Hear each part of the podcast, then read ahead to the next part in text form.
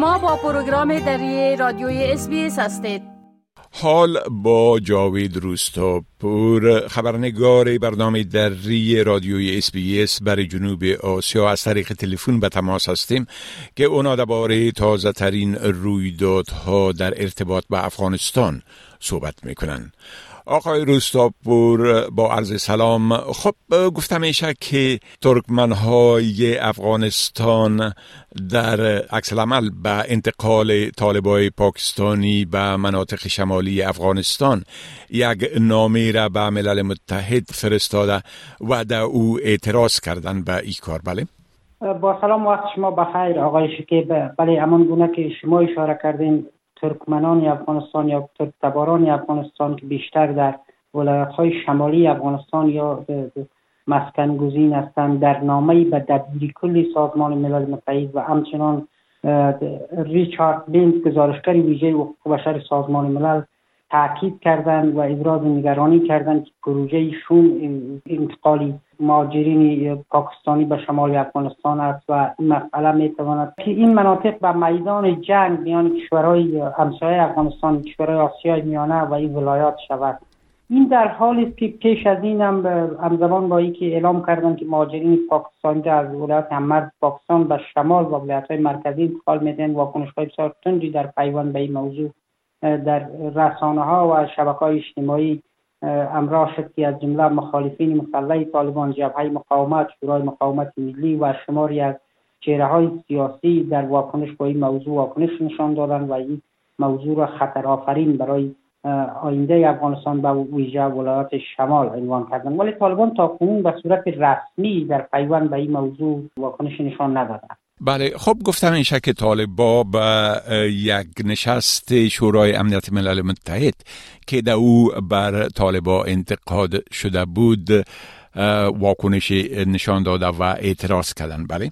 بله وزارت خارجه طالبان در واکنش به نشست روز گذشته شورای امنیت سازمان ملل متحد که از کشورها خواسته است تا واکنش نشان دادند و از کشورهایی که عضویت سازمان را دارند و در این نشست اشتراک داشتن نمایندهایشان خواسته که در امور افغانستان مداخله نکنند وزارت خارجه طالبان در خبرنامه گفته که این گروه یا دولت طالبان و تمام تعهدات خود به اساس شریعت اسلامی متحد است. و گفته طالبان و تعهداتی که خود که خود با اسلام و تعهداتی که در اسلام با تضاد است گفته طالبان و با فرهنگ افغانستان و منافع ملی افغانستان مغایرت ندارد متحد هستند ولی مواردی را که به گفته طالبان وزارت به گفته طالبان سازمان ملل تاکید دارد اگر در مغایرت با اسلام و شریعت و منافع ملی افغانستان باشد او را هیچ عملی نخواهند کرد و زیر فشار هم نخواهند رفت. این در حال است که پس از تسلط طالبان بر افغانستان زنان از کار و حق تحصیل به کلی معروم شدند و محدودیت های بیشتری بر مردم اعمال شده و گزارش سازمان ملل متحد هم حاکی از این بود که وضعیت که در افغانستان جاری به این قابل قبول نیست حکومت طالبان به رسمیت شناخته شود و باید فشار بیشتر بر طالبان اعمال شود. بله خب گفتم که روز جهانی بیوه دیروز در حال برگزار شد که در افغانستان ده ها هزار زن بی و به خصوص پس از حاکمیت دوباره طالبا در افغانستان در شرایط بسیار دشوار به سر می‌برند. بله؟ بله بیوه ها در افغانستان که سرپرستی خانواده را بر دوش دارند و نانواری خانواده هستند بیشتر در برابر فقر نسبت به دیگه افراد جامعه آسیب پذیرند. زنانی که مسئولیت تامین مخارج زندگیشان را به دوش داشتند و اینا در اثر جنگ ها کشته شدند. حالا می‌گویند که پس از تسلط طالبان بر افغانستان زندگیشان بسیار بد شده. ولی شماری از زنان که گفتگو کردن با برخی رسانه ها حتی گفتند که روزهایی هم شده که در یک شبانه روز اینا تنها توان پیدا کردن یک وقت غذا را داشتند.